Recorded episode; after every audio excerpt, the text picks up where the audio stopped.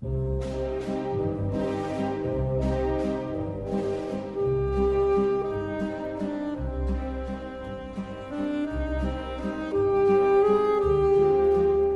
Bilinç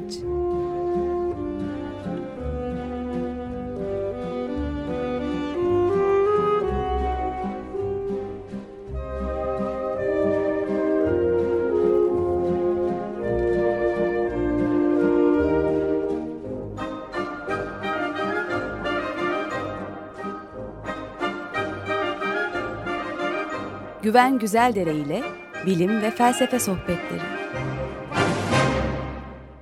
Günaydın Güven Bey, merhabalar. Günaydın Agay. Günaydın Güven Bey, merhaba. Günaydın Can. Evet, bugün uzunca bir süreden sonra ilk defa e, canlı yayındayız ve bir konuğumuz var. E, doçent doktor, e, Profesör Doktor Murat Somer, Koç Üniversitesi'nden ve seçimleri konuşacağız. Ama siz bir sunum yaparsanız Murat Bey de burada. Ee, tabii Murat Bey hoş geldiniz. Merhaba. E, hoş bulduk. Merhaba. Günaydın. Hoş geldiniz. Hoş geldiniz efendim. Ee, ben dün sosyal medyada görürken ünvanınızı doçent doktor diye duyurdum. Profesör doktor demem lazımdı. Özür dilerim. Bunu Estağfurullah. Ee, e, bilindiği üzere biz son e, 4-5 haftadır e, sinirlere giden süreçte e, seçmen psikolojisi ve sosyolojisi üzerine e, çeşitli konuları ele almaya çalışıyorduk. E, bugün de 26 Haziran e, itibariyle işte iki gün önce bu büyük e, seçimi geride bırakmış olduk. E, şimdi seçim sonrası bir değerlendirme yapmaya çalışacağız. Siyaset bilimi ışığında. E, konuğumuz e, Profesör Doktor Murat Somer e, Koç Üniversitesi'nde öğretim üyesi siyaset bilimleri ve uluslararası ilişkiler alanında e, Boğaziçi Üniversitesi'nden e, ekonomi mezunu daha sonra master ve doktora derecelerini politika ve politik ekonomi ve kamu politikaları alanında e, Amerika Birleşik Devletleri'nde Los Angeles'taki Güney Kaliforniya Üniversitesi'nden alıyor. E, Profesör Somer'in ayrıca ziyaretçi araştırmacı olarak yurt dışında Princeton Üniversitesi, Stockholm Üniversitesi ve Harvard Üniversitesi'nde bulunmuş, e, çalışmışları var. E, Türkçe ve e, yurt dışında yayınlanan pek çok dergide pek çok eseri var. Çalışma alanları arasında siyaset ve politik ekonomi e, çerçevesinde dünyada ve Türkiye'de demokratikleşme, otoriter ve hibrit rejimler, sosyal ve siyasal kutuplaşma, etnik e, siyaset ve çatışmalar, dinsel ve laik siyaset biçimleri e, gibi konular yer alıyor. Kendisini T24 e, haber sitesinde ya da televizyondaki tartışma programlarında da görmüş, okumuş e, olabilirsiniz. E, şimdi özellikle muhalif kesimin büyük bir e, hevesle gittiği ve bir hayal kırıklığına uğradığı seçimin hemen arkasından bir değerlendirme yapmak belki çok da kolay değil. E, dün e, Avrupa Güvenlik ve İşbirliği Teşkilatı da bir e, rapor yayınlayarak seçimin eşit temellerde olmadığını söylemiş. Ama zaten öyle olacağını biliyorduk. E, her halükarda e, parlamenter demokratik e, sisteme elveda değişimiz merkinlenmiş ve bütünüyle uygulamaya konmuş oldu bu seçim sonuçlarıyla. E, görüşler ayrılığını zayıflatan ve yetkileri tek kişide toplayan bir tür e, seçimli otokratik rejime öyle demek uygunsa geçmiş olduk. E, şimdi burada benim e, merak ettiğim pek çok konu var. Yani mesela işte AKP'nin ne olursa olsun vazgeçmeyen seçmen kitlesinin psikolojisinden işte MHP nasıl oldu da oylarını arttırabildi ya da koruyabildi gibi sorulara kadar. Fakat daha geniş bir çerçevede bakmak belki daha uygun olur diye düşündüm. Zaten açık gazetede dün de bugün de siyasi analizler dinledik ben, şöyle sormak istiyorum. Daha geniş bir perspektifle Türkiye siyasi tarihi içinde baktığımızda bugün neredeyiz? Ee, ve e, ikinci soru olarak da ama nereye gidebiliriz? Buradan nereye gidilebilir? E, başka sorularım da var ama bu iki küçük soruyla başlamak mümkün olur mu acaba? E, tabii e, iyi olur. Aslında siz geniş bir çerçeveden bakmaya çalıştınız. O da belki e, önümüzü daha iyi görebilmek için e, çok olumlu. E, çünkü e, bu seçimlerin zaten tarihsel bir e, seçim olduğu, hatta Türkiye tarihinin, Cumhuriyet tarihinin en önemli seçimi olduğu söyleniyordu. E, bu anlamda e, seçimin sonuçlarını e, belki e, kötümserlik yaratacak ya da iyimserlik yaratacak e, e, sadece oy oranları üzerinden e, yorumlamak e, bence e, hata olur. E, çok daha geniş bir çerçeveden e, bakmak e, gerekli. E, bu anlamda da e, bu anlamda da e, ben muhalefetin e, başarısız olduğunu ve kimsenin de e, bu anlamda kötümserliğe e, kapılması gerektiğini açıkçası düşünmüyorum. E, geniş bir çerçeveden bakacaksak e, şöyle bakalım son diğer konulara da geliriz. E, Türkiye'nin demokratikleşme hikayesi e, üzerinden e, bakmaya e, çalışalım. Yani geç Osmanlı döneminden beri e, bizim... E, e, başlamış olan e, ve önemli bir birikim e, yaratmış olan, demokrasi geleneği, demokrasi ruhu yaratmış olan bir tarihimiz var, hikayemiz var.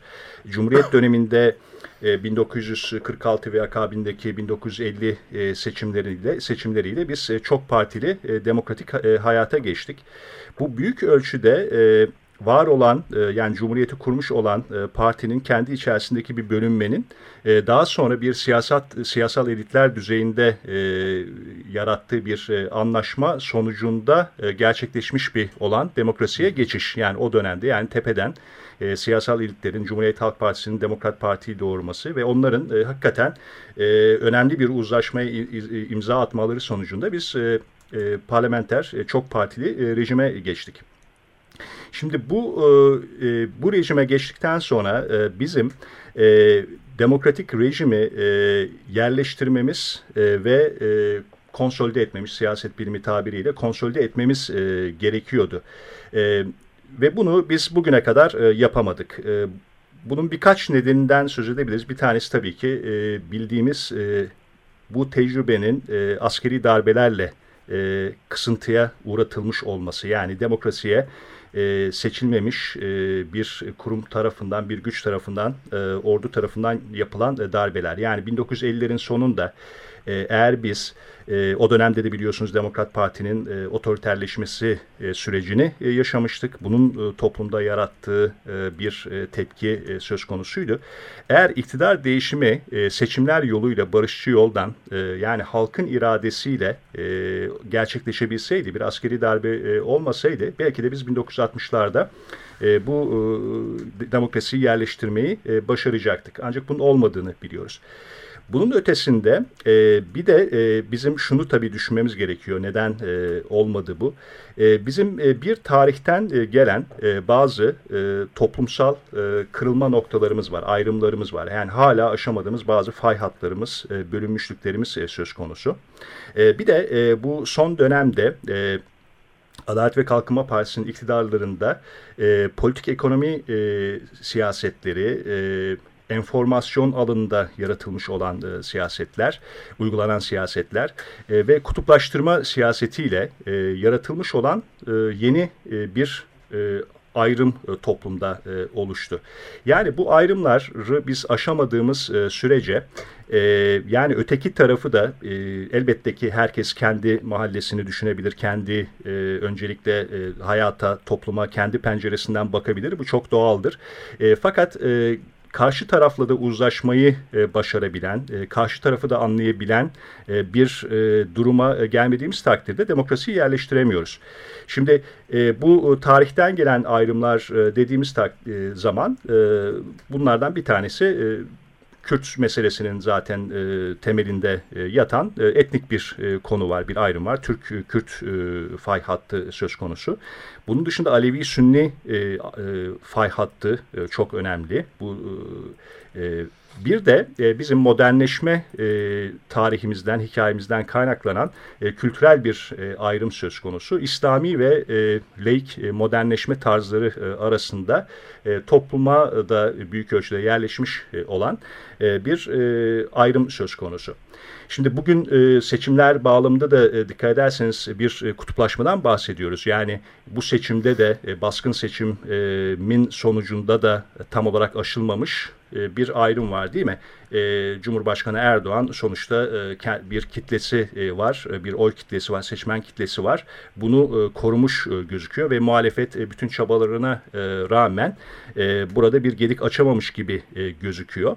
Ama bu tabii görünen kısım ve bu kutuplaşma e, bağlamında e, neden böyle iki ayrı kitle var da, ya da sabitlenmiş bir kitle var e, dediğimiz zaman bunun altında mutlaka işte bu bahsettiğim e, aşamadığımız tarihsel ayrımlar var.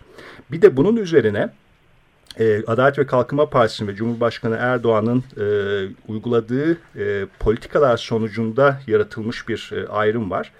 E, yani bir tür e, şunu söyleyebiliriz. E, Cumhurbaşkanı Erdoğan özellikle e, bir tür e, yakalanmış kitle, e, sabitlenmiş bir e, kitle e, yarattı e, kendisi e, açısından. E, bunun e, bir önemli nedeni e, kendi kitlesiyle kurmuş olduğu e, duygusal e, bağ. E, Cumhurbaşkanı Erdoğan kendi e, mütevazı bir e, e, top, toplumun marjinlerinden gelen e, bir e, mütevazi bir geçmişe e, sahip ve böyle bir geçmişten e, gelerek e, o kitleye e, çok hitap eden bir başarı hikayesi yarattı ve dolayısıyla o kitlenin e, kendilerini e, kendisiyle özdeşleştirmesini e, sağladı. Yani onun başarısını kendi başarısı gibi gören, onun başarısızlığını kendi başarısızlığı gibi görüp üzülen e, bir e, kitleyle bir duygusal e, bağ yarattı.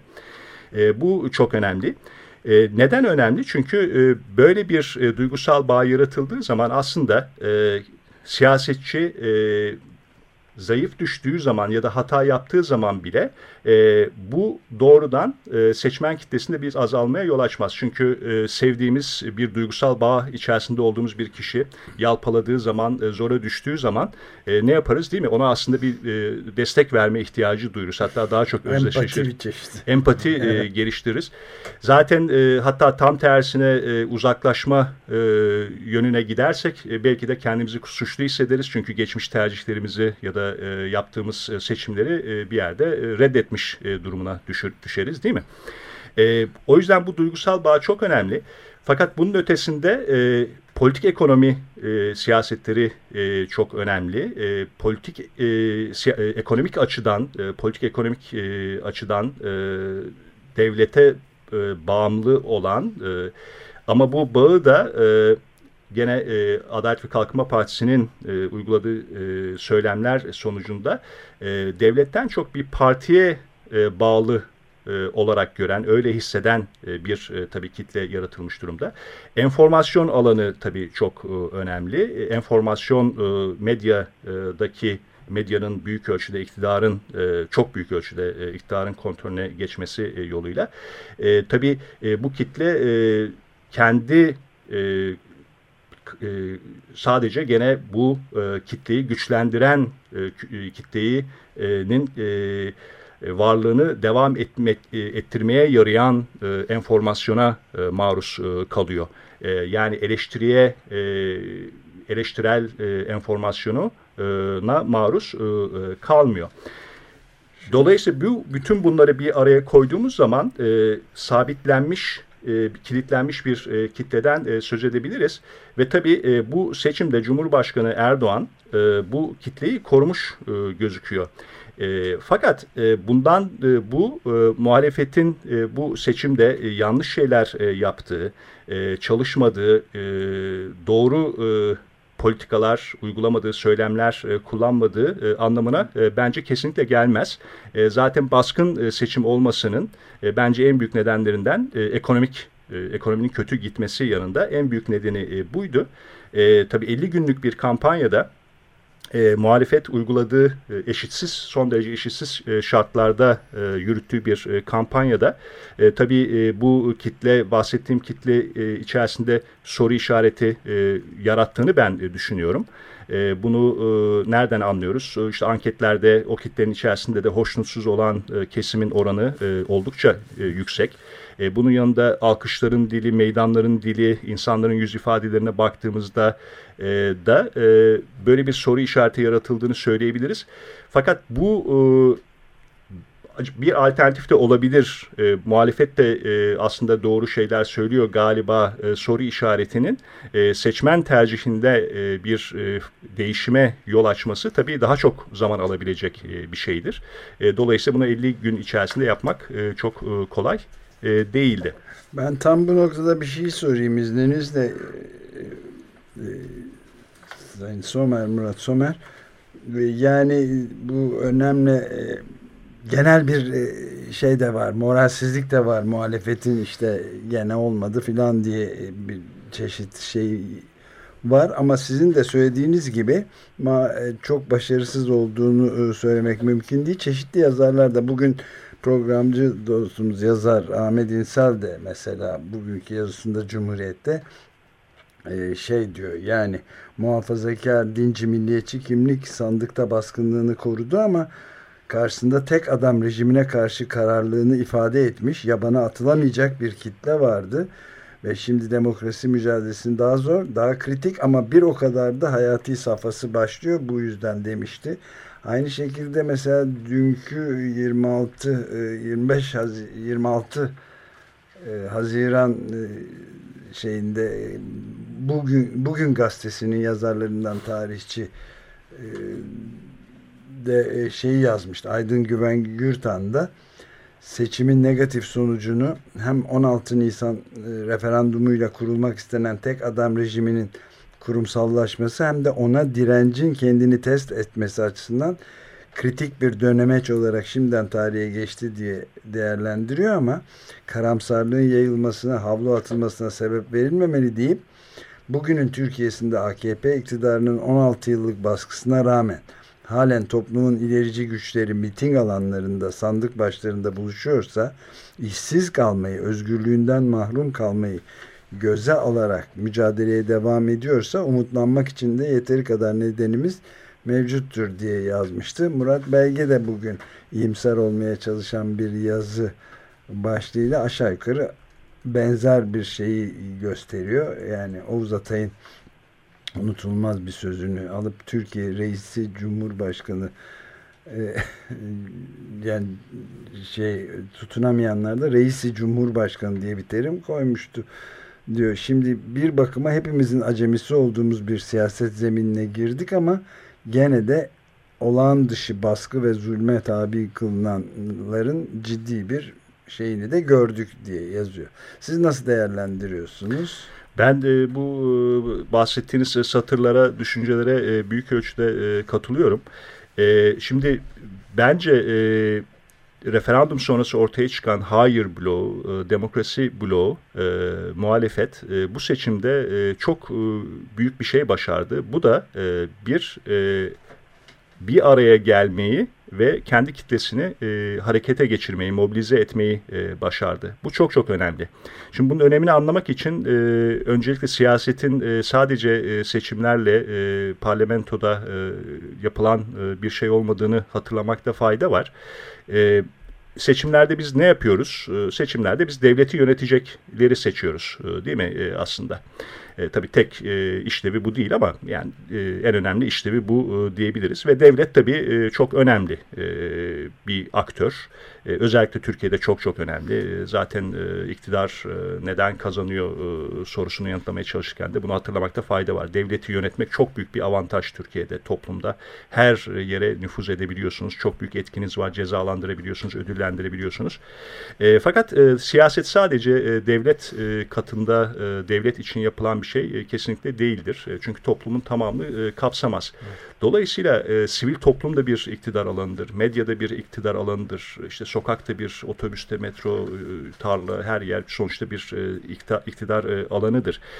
Yani şöyle şunu düşünün. E, adalet yürüyüşünü de belki adalet mitingi ondan sonra da hatırlanabilir ama en son e, Maltepe e, mitingini, Muharrem İnce'nin Maltepe mitingini e, düşünün. E, burada milyonlarca insanın e, toplanması, her ne kadar iktidara yakın medya bunu vermemeye çalışsa bile bu e, son derece önemli bir ben varım e, aslında eylemidir. Dolayısıyla önümüzdeki dönemde de muhalefet bir arada hareket edebildiği oranda e, ben varım diyebildiği oranda ortak tepkiler verebildiği ve tabii demokratik tepkiler çünkü bu demokratik tepkiler kutuplaşmayı e, azaltacak ve karşı tarafta da soru işareti e, uyandırabilecek tepkiler tepkilerdir. Bunu yapabildiği oranda mutlaka siyaset üzerinde etkili olabilecektir. E, Burada tabii şey e, en önemli dikkat edilmesi gereken şeylerden bir tanesi e, ben e, şahsen e, ona önem veri, önem veriyorum. E, egolara e, hakim olabilmek. E, belki kritik noktalardan bir tanesi evet. bu. E, demokrasi bloğu içerisinde olabilecek insanlar e, medyada olsun, e, siyasette olsun, sivil toplumda olsun veya e, her vatandaş, sonuçta her vatandaş da bunun bir e, parçası. E, her sohbetinde, e, her e, hareketinde e, biz diyebilmek e, ve egolarına hakim olabilmek. Yani e, Türkiye'nin e, demokratikleşebilmesi, e, müreffeh bir toplum olabil, e, olabilmesi, huzur içinde yaşayabileceğimiz e, bir toplum olabilmesi e, hepimizin e, kendi kişisel egolarından e, çok daha e, önemli e, bir konu. Elbette rekabet vardır siyasette. Herkes başarılı olmaya, olmak ister. E, mutlaka e, rekabet vardır. Fakat e, kritik noktalarda özellikle eleştirilerde e, mutlaka bu egolara sahip e, kontrol e, egoları kontrol edebilmek e, gerekiyor. Bunun ötesine geçip biz diyebilmek gerekiyor. E, muhalefet ortak hareket edebilecek mi? Ee, bir de tabii kurulmuş olan bir ittifak söz konusu, Millet İttifakı e, söz konusu. Ee, onun ortak e, e, ortak düşünebildiği yerlerde ortak e, hareket edebilmesi, ortak ortak tepkiler e, gösterebilmesi, e, alternatif e, oluşturabilmesi e, çok e, önemli e, olan e, olan bir şey. Bunu yapabildiği takdirde e, Güven Bey e, aslında bu açış konuşmasında önemli bir şey e, söyledi. E, özellikle siyaset bilimiyle ilgilenenler, ilgilenenlerimiz açısından da ilginç olabilir. E, bu seçimde tabii e, en büyük endişelerden bir tanesi e, demokrasi endişesiydi. E, zaten e, son yıllarda giderek artmakta olan ve hatta bu seçimler sonucunda eğer e, iktidar e, kendi gücünü e, konsolide ederse ki hem mecliste çoğunluğu elde ederek hem de başkanlık, cumhurbaşkanlığı seçimi kazanarak böyle olmuş gibi gözüküyor. Türkiye'nin e, bütün bu demokrasi birikimine e, rağmen e, bu seçimsel otoriter e, rejimler dediğimiz tarzda yani demokrasinin tamamıyla kağıt üzerinde e, kaldığı, seçimlerin yapıldığı ama aslında iktidarın e, kalıcı olduğu bir tür rejime e, geçme e, endişesiydi e, zaten Türkiye e, açısından.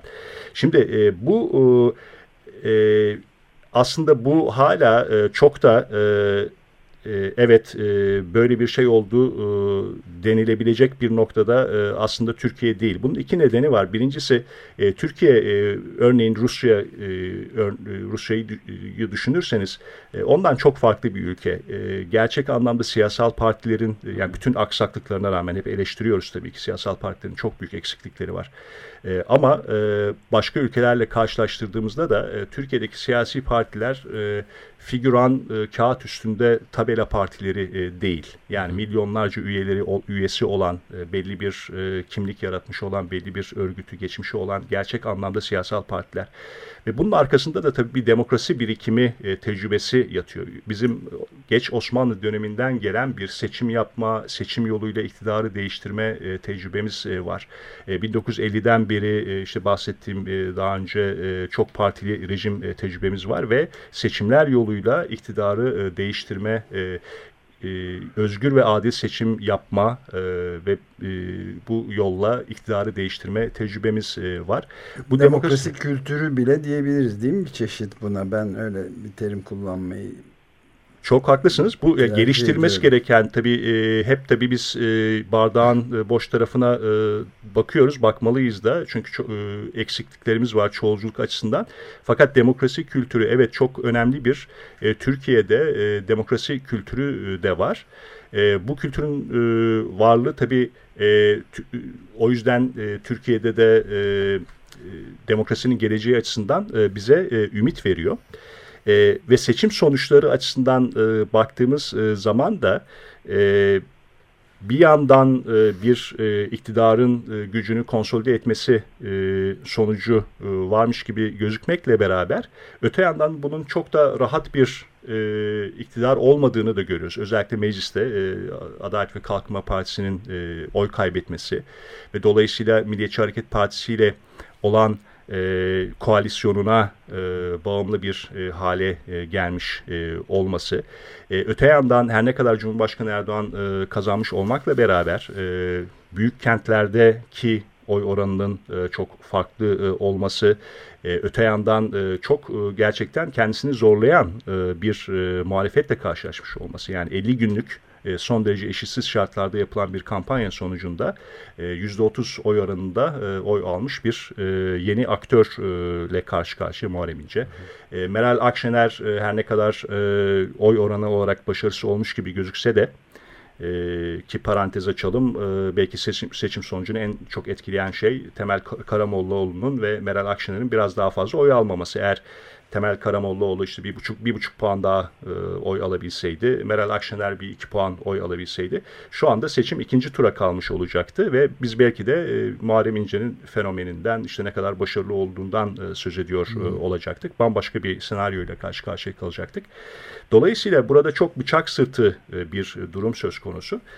E, şuna bakmamız gerekiyor. Önümüzdeki dönemde e, böyle bir e, tabii iktidar e, kapsayıcı kendine göre tabii ki e, kendine göre e, kapsayıcı, uzlaşmacı bir e, siyaset uygulamaya çalışabilir. E, örneğin işte başkan yardımcılarını e, daha e, değişik kesimlerden almaya çalışarak, e, çok kutuplaştırıcı e, siyasetler uygulamamaya çalışarak değişik e, toplum kesimlerini de memnun eden e, bir takım politikalar, uygu söylemler kullanmaya çalışarak politikalar kullanmaya çalışabilir. E, bunu tabii kendi çizgisine göre yapmaya çalışabilir. E, bir de e, daha e, özellikle devleti e, çok daha köklü bir şekilde yeniden yapılandırmaya yönelik bir politikaya yönelebilir. E, burada tabii e, o halde çok önemli bir unsur. İşte o hal kalkacak mı, e, kalkmayacak mı? Çünkü biliyorsunuz son dönemde Cumhurbaşkanı Erdoğan da seçim kampanyasında bunun olabileceğini söylemişti. İlk iş demişti hatta. Hatta yani. bunu örneğin işte devamlı hatırlatmaya devam etmek gerekiyor. Şimdi bu kadar kısa evet. bir hafızamız olmaması gerekiyor. Evet daha bir hafta önce bunlar söyleniyordu ve bunu hatırlatmaya devam etmek gerekiyor. Evet. Sonra bitirmek yavaş yavaş bitirmek zorundayız süreyi biraz aşmaktayız ama e, Güven Güzel Dere'ye de hiç söz hakkı tanımamak gibi bir durumumuz oldu. E, Güven Bey orada mısınız hala? Estağfurullah buradayım. Ee, anlattıklarınızı dinliyordum. Ee, zamanın sonuna geldik. Murat Bey'in yazdığı bir yazı vardı geçen ay. Ne yapıp edip kazanırlar algısı nasıl aşılır e, başlıklı T24'te yayınlanmıştı.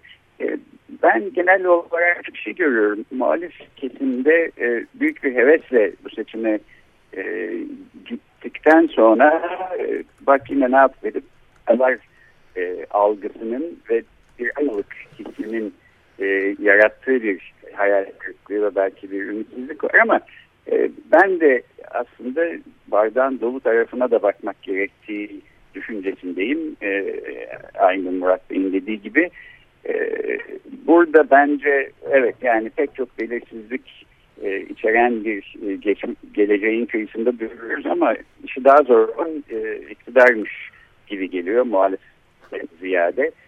E, en azından bu kadar demiş olayım. Bir de şöyle bitireyim. E, şimdi aklı başında herhangi bir ülkede işte mesela insanlar e, mahallemizde yangın çıkarsa e, itfaiyeyi çağıramayız çünkü onlar gidip işte bir şeyler çalarlar. Bizim iyisi gönüllüler arasından da itfaiye ekibi kuralım e, falan deyip bu tür örgütlenmelere gitmezler. E, seçim için de böyle olması gerekir. Seçim güvenliği konusunda. Türkiye'de böyle olmadığından e, buradan da aslında olumlu bir şey söylemek istiyorum. E, insanlar e, oylarına ve sahip sandıklarına sahip çıkmak için e, seçim yasası konusunda uzman hale geldiler. Ben hayatta hiçbir zaman seçim yasası konusunda e, bugün bildiğim kadar e, şeyi bilmiyordum. Şu anda beni imtihana e, çekseniz geçecek haldeyim. Bu sandıklara sahip çıkma demokrasi kültürü açısından aslında bana çok önemli bir adımmış gibi geliyor ve işte 1970'lerde, 80'lerde, 90'lardaki seçimlerde hiç böyle bir şey yoktu. Belki bu İngilizce'de niyet edilmemiş e, yan etki ya da niyet edilmemiş sonuç e, diye söylenen şeylerden bir tanesi aslında Güven Bey e, çok e, önemli bir noktaya temas ettiniz. Belki ben de bir şey bir araya girip e, bir şey söyleyebilir miyim? Çok haklısınız bence. Bu aslında tam da vatandaşlaşma yani özne haline gelmek, vatandaş olarak özne haline gelmek ki bu gerçek anlamda demokratikleşmenin en önemli belirleyicilerinden biridir bu aslında o açıdan yani bardağın dolu tarafına baktığımız takdirde e, toplumun e, geçmişte e, garanti olarak gördüğü e, belki bazı kurumlara devlete havale edebileceği bir takım güvencileri e, kendi eline almaya e, alma kendi eline almak e, çabasını e, aslında e, görüyoruz e, burada. Çünkü bir takım kurumlara e, güvenilemeyeceğinden e, dolayı e, bunu hissettiğimiz için e, insanlar e, kendi ellerine e, işte seçim güvenliği konusu, sandık güvenliği olsun e, kendi ellerine almaya çalışıyorlar. E, bu demokratikleşme açısından tabii çok e, olumlu bir şey. E, olumsuz olan e, senaryo e, uzat şey uzatmayayım e, sözünüzü almayayım. Olumsuz olan senaryo bunun tersi olur. Yani bunun e, bırakılıp ya gene başaramadık deyip geri çekilme e, bu tabii çok yanlış olur. E, be, kesinlikle tabii bunun hiç olmaması gerekiyor. Tam tersine e, güvenin artması e, 50 günde bu kadar e, bir araya gelinebildi, başarılı e, olunabildi. Ama e, düşman yaratarak hiçbir şekilde değil. E, tam tersine demokratikleşme yönünde, e, kutuplaşmayı e, aşmaya yönelik olarak e, bu çabalara e, devam etmek e, gerekir ve e, bu bir özleş, özneleşme süreci e, aslında e, ve kendine e, bir güven de yaratarak e, bunun e, devam etmesi e, gerekiyor. E, siyasal partiler evet, düzeyinde yani ve sivil toplum. Evet. evet ve galiba bitirmek zorundayız artık. Evet. Burada bir kazanım var. Bunu unutmayalım. Altını çizelim demek istiyordum. Bir de sabahın beşinden gece yarılarına kadar sandık başında bekleyen e, sandık gönüllülerine de e, saygı ve sevgimizi bir kez daha belirtmek lazım. Herkes sahiden çok çalıştı.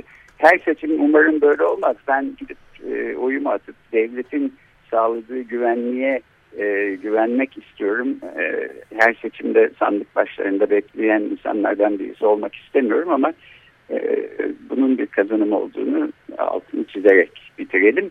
Bugün e, konuğumuz Koç Üniversitesi'nden Profesör Murat Somerdi, siyaset e, bilimci kendisiyle seçim sonrası bir değerlendirme yapmaya çalıştık. E, seçimle ilgili, e, siyasetle ilgili programları da e, bir süreliğine açık bilişte bitirmiş olalım. Gelecek haftadan itibaren yeniden beyin bilimleri, bilişsel bilimler, e, sosyal psikoloji gibi e, konulara geri dönüyor olacağımızı e, buradan haber vereyim. Murat Bey çok teşekkür ediyoruz. Çok, Sağ olun. Çok teşekkürler. Ben teşekkür ederim. Görüşmek üzere. Hoşçakalın. İyi günler. Görüşmek üzere. Görüşmek üzere. Hoşçakalın.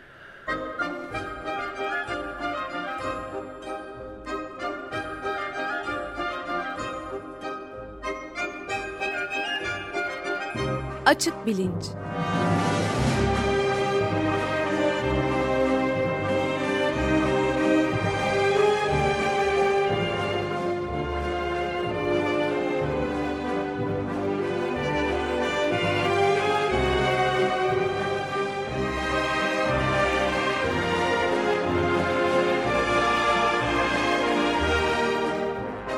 Güven Güzeldere ile bilim ve felsefe sohbetleri.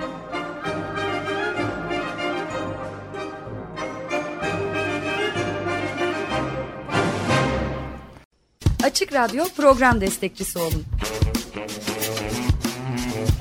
Bir veya daha fazla programa destek olmak için 212 alan koduyla 343 41 41